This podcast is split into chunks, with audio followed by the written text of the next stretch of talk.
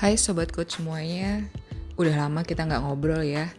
Jadi malam ini Coach Blue ditemenin sama Dea dan Aisyah uh, untuk ngobrol-ngobrol aja nih ceritanya, ngobrol santai di tengah-tengah masa karantina yang entah berakhir sampai kapan.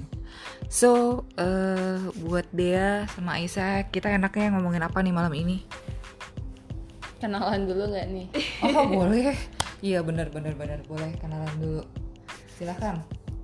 Hai, sobatnya Coach Blue. Aku Dea. Um? Umurnya sekarang tit, nggak usah disebutin. ya kita beda generasi 10 tahun kayaknya. Mhm. And then sebelah saya ada Ceh. Ah, aku boleh pakai logo itu gak? Boleh. Boleh, bebas. Oke. Jadi ini kayak a bit disrespectful karena I'm the youngest, but my name is Aisyah. Um, Kita Aku- beda berapa tahun ya? anaknya bunda. ya, Jadi kita masing-masing sama kayak Bunda berapa eh, 25 tahun. Iya, kita Iya. selisih 10 10, Gapnya 10 sekitar tahun 10 ya. tahun. Iya.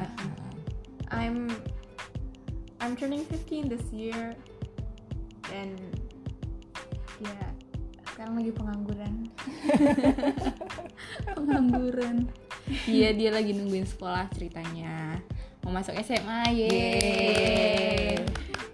Ya Allah, Jadi- dia udah tua banget ya udah SMA. Gue jadi tua banget udah Iya, tua. gue Jadi semua tua.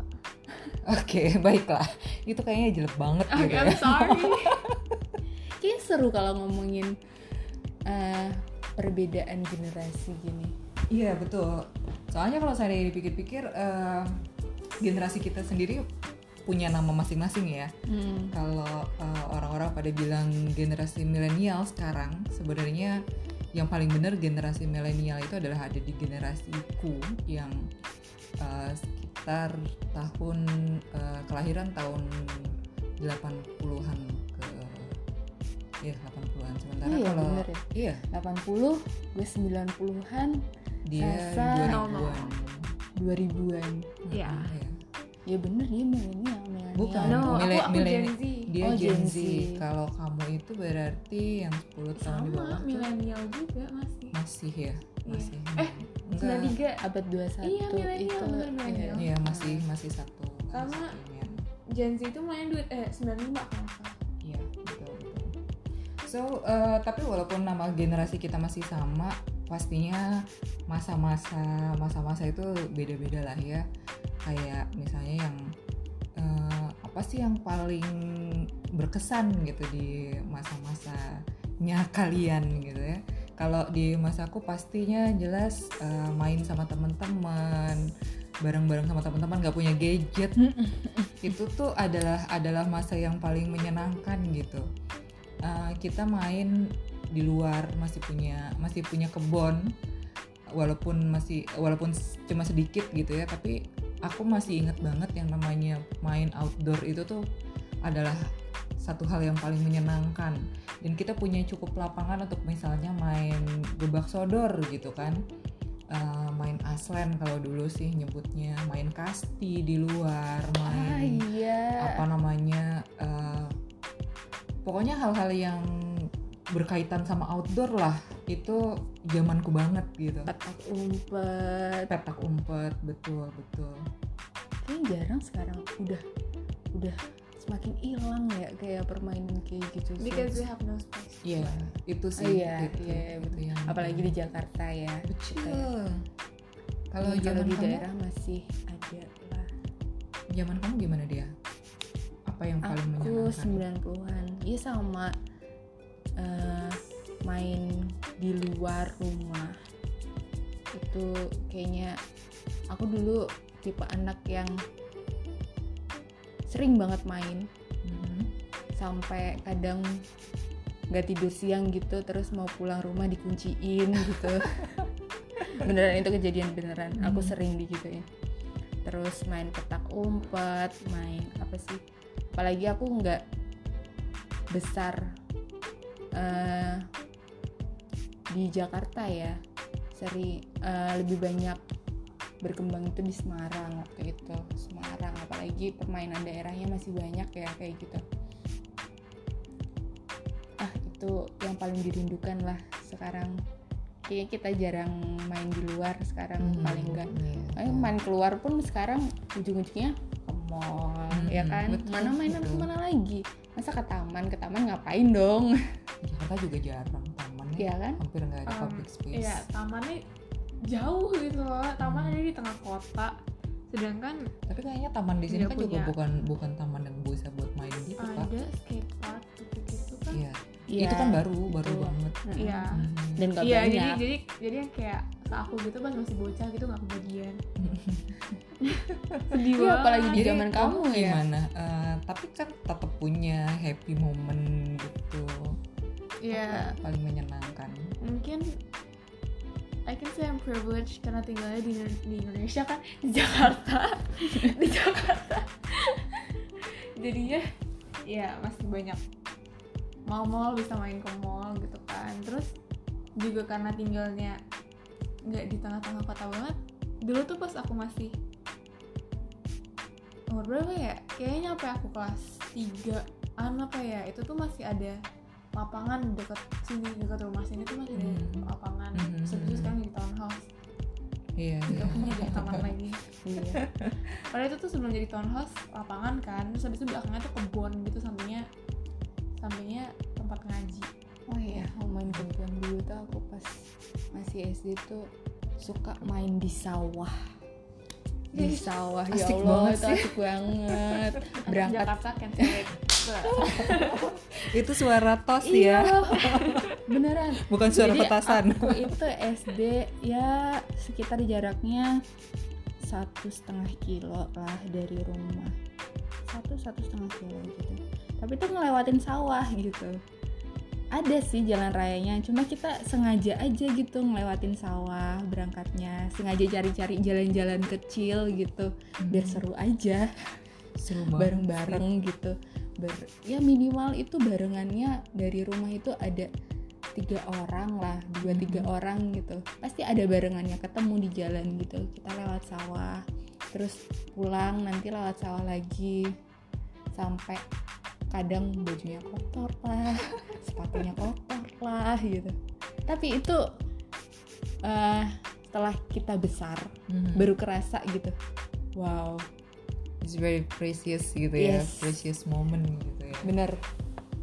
Itu momen yang nggak didapat sama anak-anak yang sekarang mungkin. Mhm. ya kan? Nggak banyak nih sekarang apalagi di Jakarta. Itu udah hampir mustahil lah mendapatkan momen seperti itu ya kan? Iya dulu tuh sebenarnya pas aku masih rada kecilan gitu punya ya punya tempat main tapi ya nggak dibolehin aja sama orang rumah. Sama bunda sama bunda bunda kalau misalnya aku paling main sore bunda lagi di kantor ya di rumah sama nenek sama aku nggak dibolehin juga keluar gitu. Kalaupun jadinya ya karena pergaulan Karena ya keamanan sini sih, ya, keamanan dulu terus- yang sam yang pokoknya sampai dulu tuh aku punya a few friends lah yang deket rumah. Terus sekarang aku udah nggak inget namanya mereka siapa aja. Karena nggak pernah main. Iya iya iya. Eh, karena perumahan karena kita nggak di nggak di kompleks ya jadinya. Kita tinggal di tengah-tengah Kampung. daerah eh, di kampung yang memang aksesnya itu banyak banget gitu. Jadi eh, karena rumah yang rumahnya dempet-dempetan betul banyak aksesnya kontrakan banyak. mungkin orangnya juga berubah-berubah Berubah-berubah. kan ya, cepet. kita eh, memperhitungkan aspek keamanan jadinya memang eh, Aisyah terbatas untuk main keluar tapi ya alhamdulillah kita masih punya space yang cukup besar juga sih ya kak ya di untuk dalam rumah. Eh, eh, di dalam rumah maupun di halaman rumah yang sebelah sana jadinya bisa eh, dipakai buat main tapi memang terbatas waktunya gitu. Kalau aku sendiri sih sebetulnya di di nikmatnya punya kampung dulu sebelum sebelum yang sekarang sekarang ya di mana orangnya masih sedikit masih banyak kebunnya. Aku Ya, juga ngerasain rumahnya ini masih sama ya posisinya so- posisinya masih sama cuma eh, depan belakang tuh masih bener-bener kebun gitu yang ngerasain nyari salak gitu kan. Eh, kita nerobos kebun orang ngambil salak orang. Iya kayaknya kemudian anak yang sekarang itu nggak pohon merasakan hijau. bagaimana ya ini jangan ditiru ya nyolong Serunya. buah kayaknya banyak deh zaman-zaman kita gitu. Itu keren tau. Ya, bukan keren sih. apa ya ada sensasinya ada sendiri sensasinya gitu ya. tersendiri gitu. Tapi karena karena itu tadi karena space itu Seru, kan iya. makin makin berkurang ya. Jadinya eh, kebun yang dulu ada di samping rumah walaupun kita tahu siapa orangnya tapi Nggak yang izin. punya siapa gitu. Tapi eh, kita Nggak- juga tahu bahwa niat orangnya itu sih sebenarnya. Anak-anak orangnya- dulu itu betul karena tahu oh itu ada di sebelah rumah dan bisa diambil uh. gitu kan. Begitu juga sama hampir sama kayak pohon belimbing di depan kita gitu kan. Juga semua orang feel free to ngambil gitu. Tapi uh, kalau seandainya pas kelihatan orangnya ya ngomong. Cuma secara ini kebun yang orangnya juga juga kita nggak pernah lihat orangnya mm-mm. uh, ke ya situ kecil gitu ya, ya Uh, itu tanah siapa jadinya kita paling paling paling suka tuh mungutin salak kira-kira yang udah kelihatan gitu kan. Nah buat yang belum tahu pohon salak itu berduri banget. Dan itu usaha banget untuk ngambilnya karena eh, gimana kita cara ngambilnya? Jadi pakai itu pakai apa namanya kayak macam semacam galah gitu Oh. terus kita tusukin ke dalam ke dalam ininya Oh, ke dalam pohonnya gitu. Karena rumpun salak itu tuh ada di tengah-tengah pohon yang penuh duri Hmm. Uh, pohonnya itu kan kayak pohon palem tapi dia panjang-panjang dan batang palemnya itu batang batangnya daun itu itu duri Berduri. durinya banyak. Hmm. dan salaknya sendiri kan berduri banget ya. Mm-mm. salaknya sendiri berduri banget. Jadi memang benar-benar harus punya alat bantu untuk ini. Dan ne- nembus pohon eh, kebun salak tuh juga nggak gampang karena memang eh, duri semua gitu. Nah yang yang kita ambil paling yang salak yang bagian luar aja. Sama kalau di sini hmm, kita tuh eh, pohon salak karena banyak tumbuh liar dia bersatu juga sama pohon melinjo. Jadi kita selain cari salak cari melinjo yang jatuh-jatuh. Nah melinjo yang jatuh itu suka kita bawa ke tukang eh, tumbuk apa emping. Uh-uh, jadi di belakang sini dulu ada tukang buat emping paling suka tuh nungguin dia apa namanya Ngeliatin doang uh-uh, gitu. ngeliatin sambil kalau seandainya ada emping yang belum matang dan dia nggak bisa di eh, melinjo yang yang belum matang dia nggak bisa dipukul pipih jadi emping. Oh gitu. Uh-uh. jadi harus jadi bongkahan yang bongkahan bongkahan matang gitu. atau yang tua? Yang sih gitu, tapi- matang jadi eh, melinjo itu sebelum jadi emping dia itu dimasak dulu. Hmm. masaknya pakai pasir oh disangrai Eh, eh, disangrai pasirnya panas melinjonya masuk ke situ. Kulitnya dikupas buat oseng-oseng nanti dikumpulin. Terus kulitnya yang melinjo yang keras itu dibuka di- sama dia. Bukanya keren banget pakai palu. Sampai sekarang aku tuh juga nggak bisa mencoba ngikutin mereka gitu ya. Karena mereka bisa bener-bener cracknya tuh tengah-tengah gitu dan bagus. Nah melinjo itu di di apa namanya diketok sampai pipih kalau di sini sih biasanya empingnya itu besar-besar. Jadi uh, satu emping itu bisa sekitar 10 sampai 15 melinjo. Tapi ada juga kan emping yang kecil-kecil itu yang dia biasanya agak tebel tuh. Itu emping yang nggak jadi. Barulah di iniin Oke guys, ini sebagian tutorial membuat emping. Silakan dicoba. and that's the happiest moment. Beneran. Selain oh ya selain selain tukang emping sama itu juga bikin kue satu. Kalau pas lagi mau lebaran itu yang yang yang paling menyenangkan banget. Nggak tahu kue satu sekarang masih ada apa enggak ya? Sampai mungkin eh, Gen Z itu iri nggak sih sama kalau denger cerita cerita gitu di atas kalian gitu? apa Iri nggak sih sama masa-masa sebelum kalian gitu? Kan sekarang kayaknya itu ketemunya gadget Di- gitu ya enggak kayak diulang gitu loh. Kayak iya kayak Anak-anak sekarang itu- gitu kan. mengulang banyak yang merindukan Hmm, sih ya? Kayak momen-momen atau atau kita sederhananya aja deh jajanan dulu aja sekarang dibuat lagi loh. Oh iya sebetulnya tapi Iya, itu kan? kalau kalau menurut aku sih itu ma- itu memang justru mem- memuaskan pasar generasiku sih. Ya. Karena- Uh, bukan bukan ini lagi. Kalau buat mereka itu adalah sesuatu yang baru. No no not not really. Karena ya ya kita umur kita lumayan jauh tapi I don't think ya culture kita berubah banyak gitu loh. Kalau misalnya I think it depends on where you're from. Kalau misalnya ya di di kayak sih ya tergantung lingkungan ya nggak Hmm. Nggak sepenuhnya beda dan nggak sepenuhnya sama juga. Kalau kamu dengan sepantaranmu Aha. apa sih yang menyenangkan di zamanmu menurut kamu? Yang menyenangkan ya sekarang akses ke mana-mana gitu tuh jadi kayak itu jadi ya nggak tahu juga sih dulu kayak gimana tapi kayak sekarang tuh mau ngapa-ngapain aja tuh gampang segalanya udah ada. Tergantung mau apa enggak ayo kalau misalnya mau. Ya udah ayo.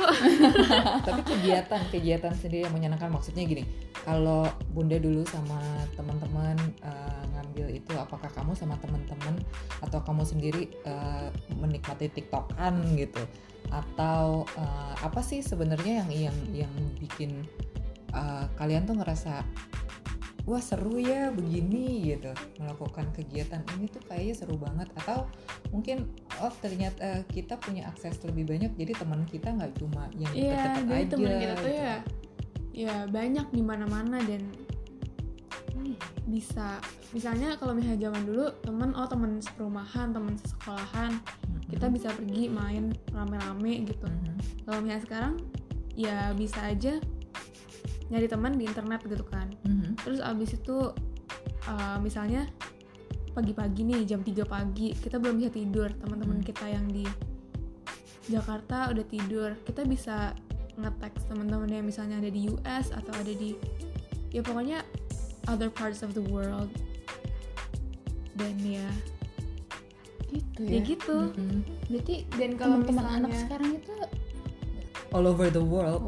Kalau misalnya main sama teman-teman yang di sekitar sini juga kita bisa jalan-jalan. Ya sekarang kan banyak kafe kita bisa nyari misalnya mana sih yang kira-kira enak yang tempatnya asik. Terus kalau mau belajar rame-rame gitu nggak nggak melulu di rumah nggak melulu di sekolah bisa ya misalnya ada tempat yang asik buat belajar kayak misalnya di kafe atau di perpusnas. Ya itu kita mau ke sana gampang gitu loh. Hmm, dan bahkan nggak terbatas sama lokasi kali ya. Kalian eh, mau kumpul kapan aja misalnya Mm-mm. sekarang kayak sekarang nggak perlu ketemu Nggak Wajah ketemu, kayak iya, gitu. kita bisa pakai eh ketemu wajah fisik maksudnya. Kita bisa pakai zoom bisa Iya. ngapain segala macam.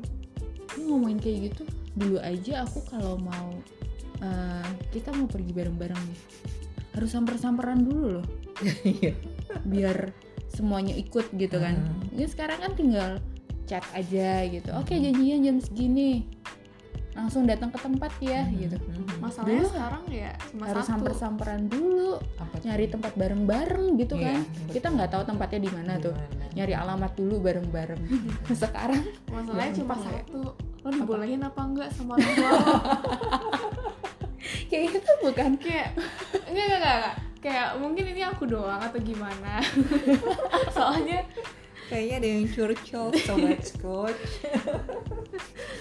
Coach Blue right here, aka my mom, itu she can be a little bit strict, strict kalau misalnya soal pergi jauh gitu, apalagi kalau misalnya di Jakarta katanya banyak orang jahat, jadinya ya harus misalnya harus ada orang dewasanya atau gimana. Tapi ya nggak cuma aku doang teman-teman aku juga banyak yang kayak gitu. Ya gitu. Ya tadi kembali ke masalah uh, aspek keamanan juga sih. Tapi uh, biasanya saya sama Sasa kalau seandainya pergi ya bareng-bareng udah sampai tempatnya bisa kumpul sendiri sama teman-temannya kemudian kita nunggu di satu tempat nanti bisa ketemu lagi di situ. Begitu juga sama teman-temannya dia kan?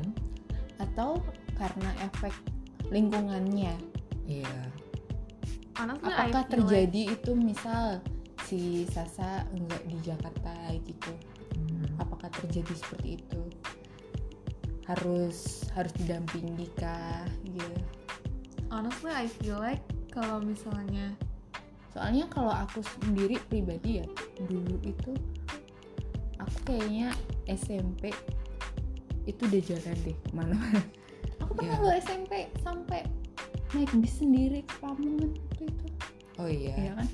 Ya itu tergantung sih. Sebenarnya tergantung lingkungannya juga. Lingkungan. Kalau Mm. seandainya masih masih di apa namanya di daerah gitu kan kita Mm-mm. masih masih bisa ukur resikonya gitu kan nanti eh, apa namanya di Semarang pun juga gitu kan matanya jauh lebih banyak daripada di Jakarta nih kayak kalau misalnya soal lingkungan gitu sih kayaknya waktu atau zamannya sebenarnya nggak begitu pengaruh. Bedanya cuma kalau misalnya zaman dulu oh iya hati-hati aja ya denger-dengar ada gini-gini. Kalau sekarang tuh ada ya kelihatan gitu loh di media atau di Apa Iya, sih? betul Iya, Ah, Itu berita lebih berita. transparan kalau terus misalnya zaman dulu ya udah Hmm. pokoknya hati-hati aja kalau misalnya sekarang ya ada buktinya iya soalnya Tingkat sekarang juga lebih kelihatan lebih- gitu berita itu kan macam-macam kan ya Iya, sekarang iya.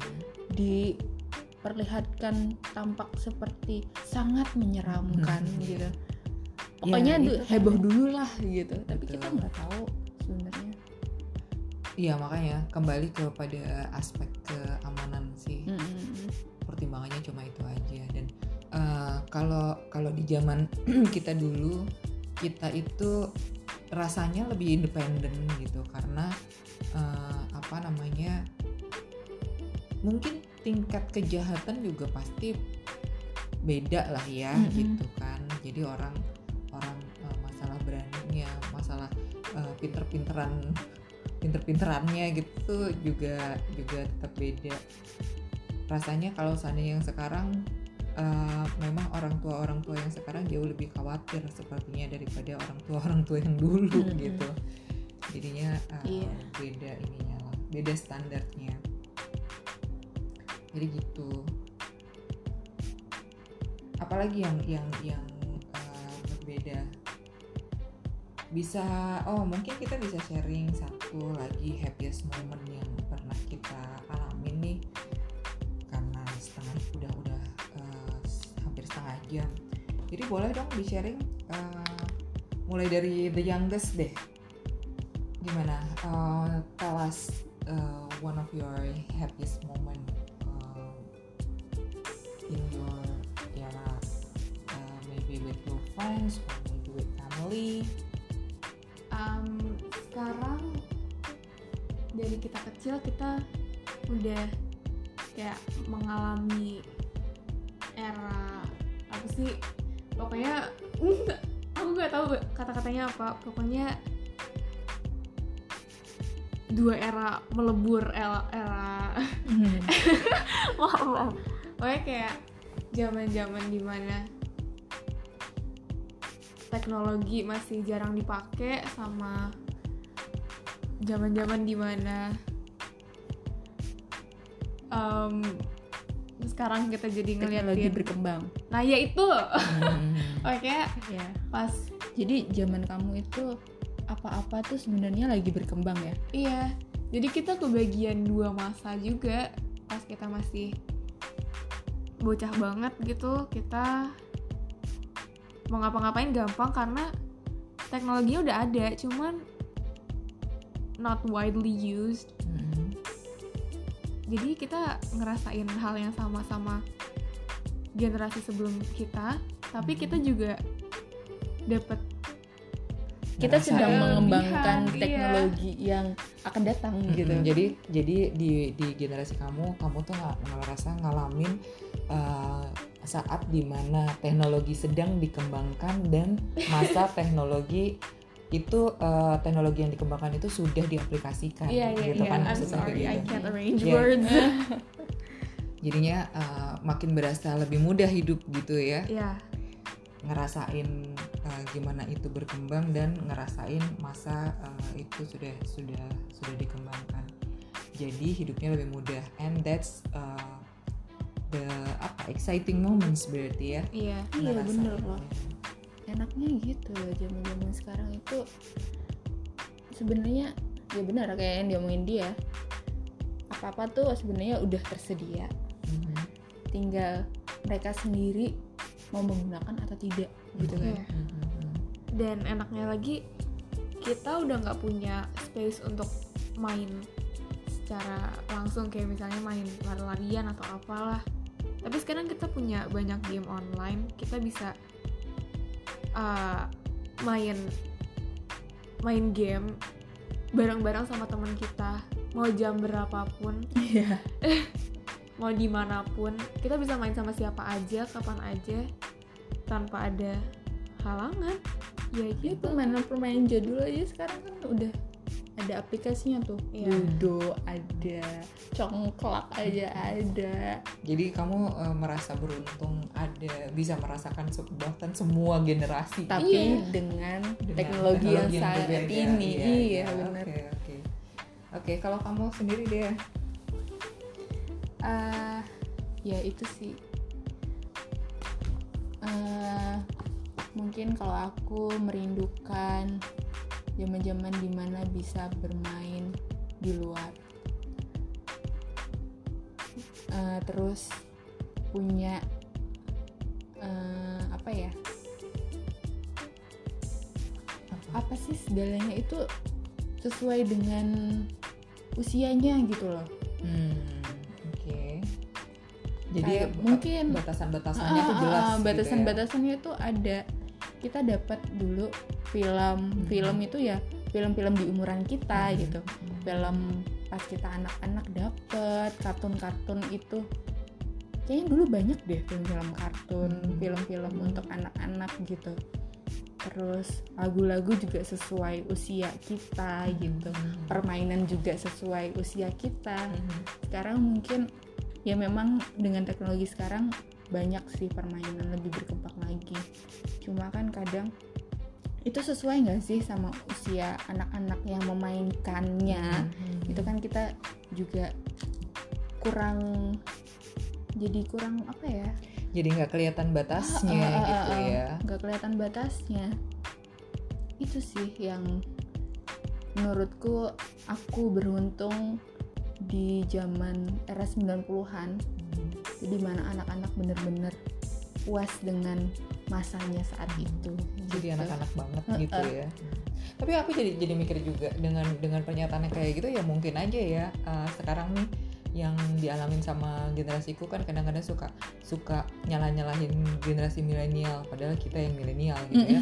uh, bahwa eh, kok nggak uh, mannernya kok beda sih sama kita kok ini uh, beda banget gitu padahal sebenarnya ya itu tadi gitu karena kita merasa kita masih masih ada di zaman kita while anak-anak sekarang itu ya memang sudah nggak apa ya sans frontier ya.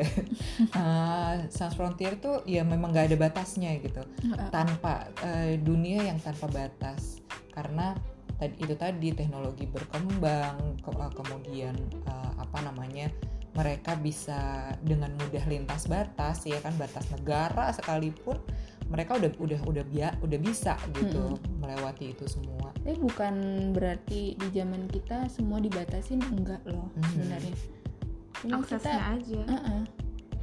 kita menurutku sudah sesuai batasannya. Iya iya. Gitu. Kalau kalau di zaman di zaman kamu tuh memang eh, semua masih kelihatan batasnya. Mm-mm. jadi batasnya tuh masih jelas. Sementara kalau di generasinya Aisyah itu batasan itu sudah sumir banget udah udah udah hampir nggak ada memang Mm-mm. kita dulu terbatas sama misalnya mau telepon aja terlokal lokal ya kan sekarang kita nggak merasakan itu iya loh gitu kan. dulu aku tuh mau telepon pakai telepon pakai koin itu loh Iya. telepon umum pakai Hmm. koin itu itu kan aja terbatas kan bisanya lokal kita doang masih bukan gitu juga Hmm. kita masih mikir duit kita cukup nggak ya Iya, buat iya, telepon gitu daripada buat telepon ah buat beli es aja ah iya. gitu. mhm, mhm.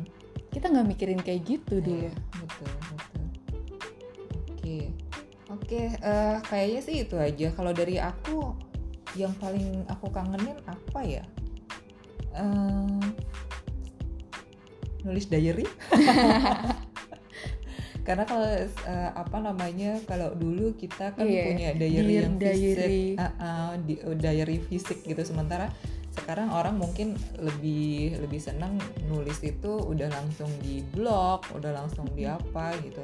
Dan kemudian eh, macem kayak tuker-tukeran tuker-tukeran biodata. surat gitu tu- tukeran biodata koleksi-koleksi macam koleksi perangko yang yang hal-hal kecil-kecil kemudian apa namanya uh, punya punya sahabat yang uh, bener-bener bisa main ke sana ke sini gitu. Surat menyurat? Surat menyurat masih ya, ya, ya, nggak sih? ya. kalau di zamanku mungkin udah semakin pudar Iya, ya. sahabat pena. Itu Oh tuh ya? dulu dulu dulu ini banget. Punya? Kalau Aisyah tadi cerita bahwa dia bisa bisa main sama temennya di Amerika gitu ya yang uh, memang bedanya cuma di mana? Time zone. di time zone dan itu mainnya real time. Kalau kita dulu kangen gitu. Dan kayaknya hebat banget kalau seandainya bisa dapet sahabat pena dari luar negeri gitu. Dulu tuh ada jadi uh, misalnya lewat majalah apa gitu kita surat-suratan sahabat pena ada orang luar negeri cari sahabat pena di Indonesia. Itu tuh kayaknya kita ngelihatnya orang yang bisa melakukan hubungan internasional gitu atau bahkan eh, yang lokalan gitu ya tapi interlokal itu adalah sesuatu yang mewah gitu.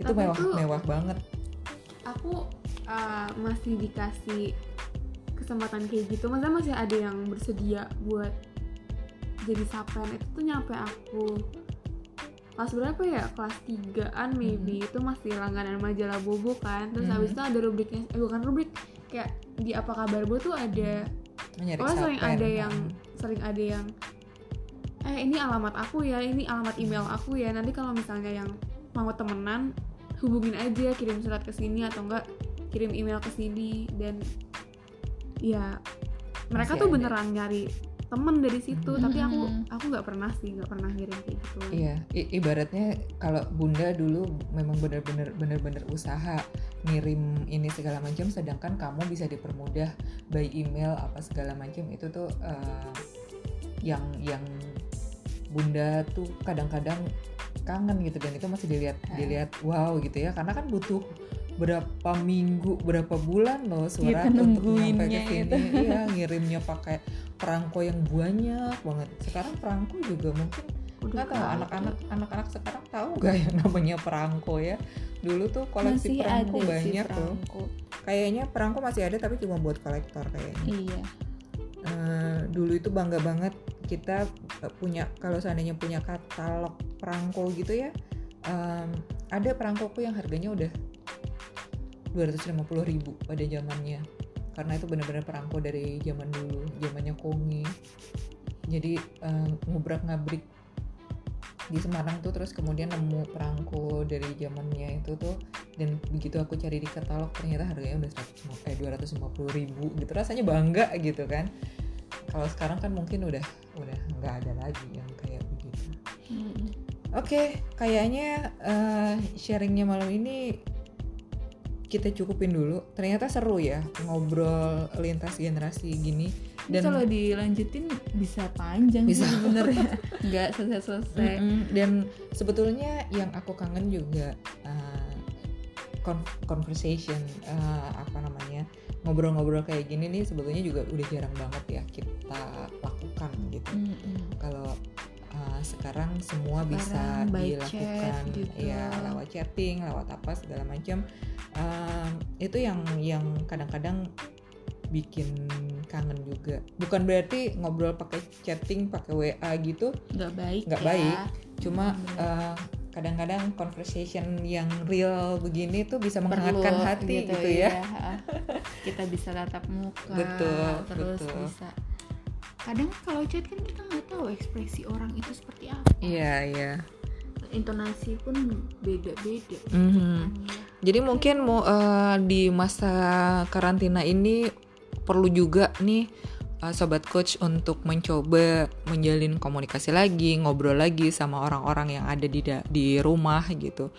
Ke- eh, karena itu bisa bikin kita less eh, apa ya, menghilangkan sedikit kebosanan, juga menjalin eh, persaudaraan, mengeratkan hati. cie hati ke hati. Dari hati ke hati siapa tahu bisa membangun sesuatu yang baik juga buat diri kita sendiri.